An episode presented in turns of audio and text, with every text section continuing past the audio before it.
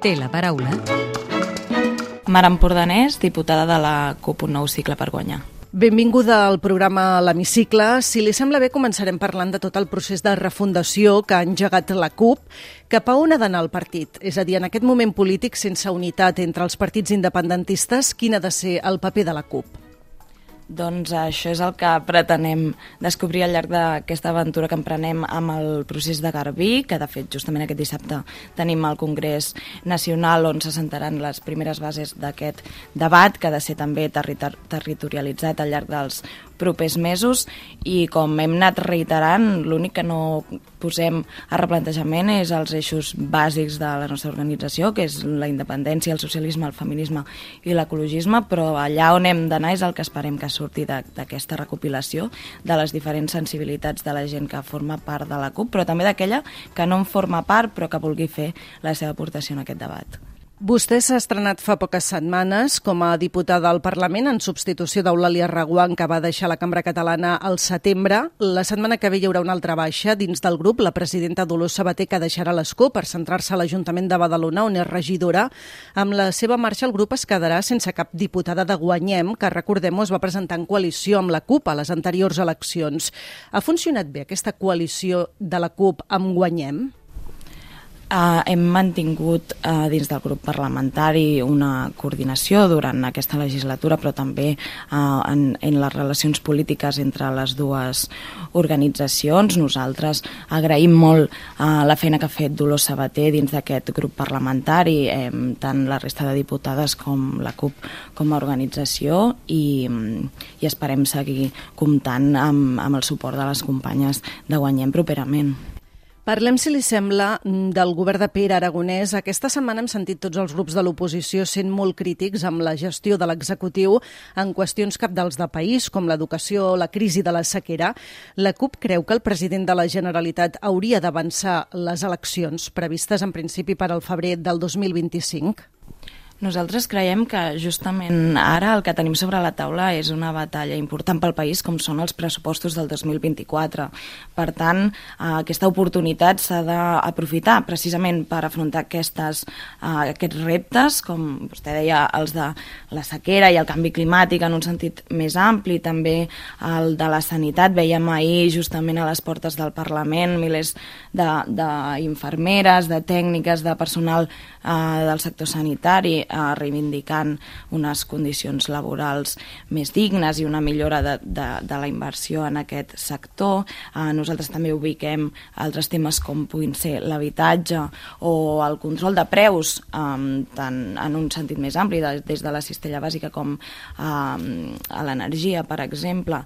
Eh, doncs creiem que ara el moment d'afrontar tots aquests reptes de país és precisament elaborant uns pressupostos eh, que hi donin aquesta resposta i és per aquest motiu que nosaltres ubicàvem sobre la taula un marc de mínims entorn al qual creiem que aquests pressupostos han de girar.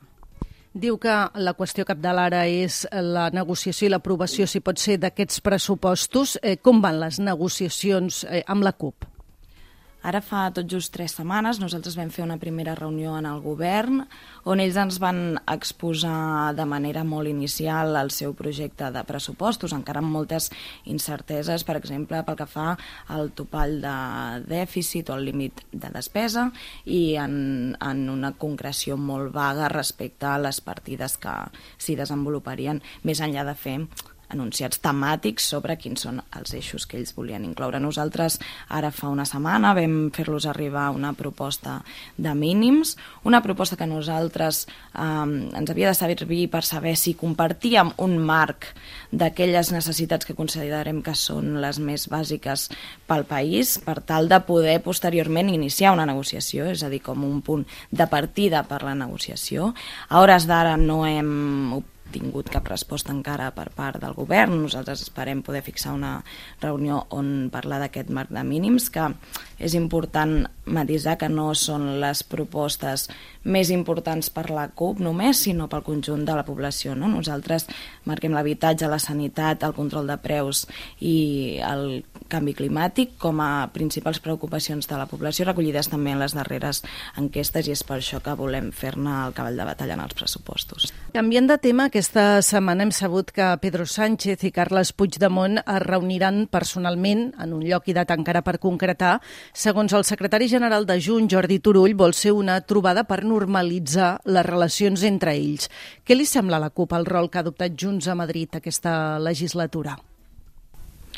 Per nosaltres la normalització de les relacions amb, amb l'estat espanyol és un concepte bastant estrany no? d'utilitzar.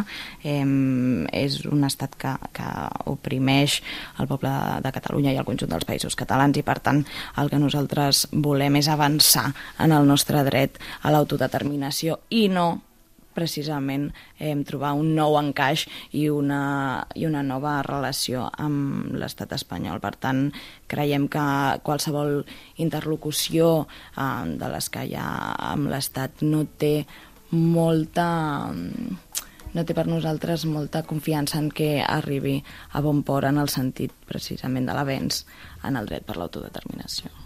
Si li sembla bé, ens endinsem ara ja en el terreny més personal i li demano ara si ja pot contestar amb respostes tan breus com sigui possible. Ens pot dir un defecte i una virtut seva? Un defecte que passo molts nervis. Ara, abans d'aquesta entrevista, n'he passat forces. Eh, una virtut, soc bastant positiva. Recorda que volia ser de petita? De petita volia ser perruquera. Quin diputat o diputada, ideologia a banda, fitxaria per al seu grup? La diputada Alba Camps.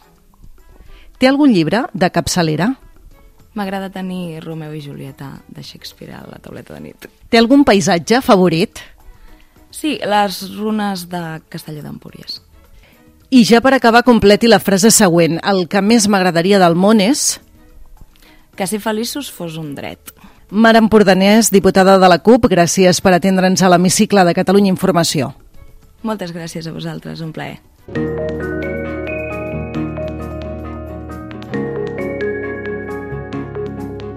Podeu tornar a escoltar l'hemicicle al web catradio.cat barra hemicicle o al podcast del programa i seguir l'actualitat del Parlament al perfil de Twitter arroba L-hemicicle.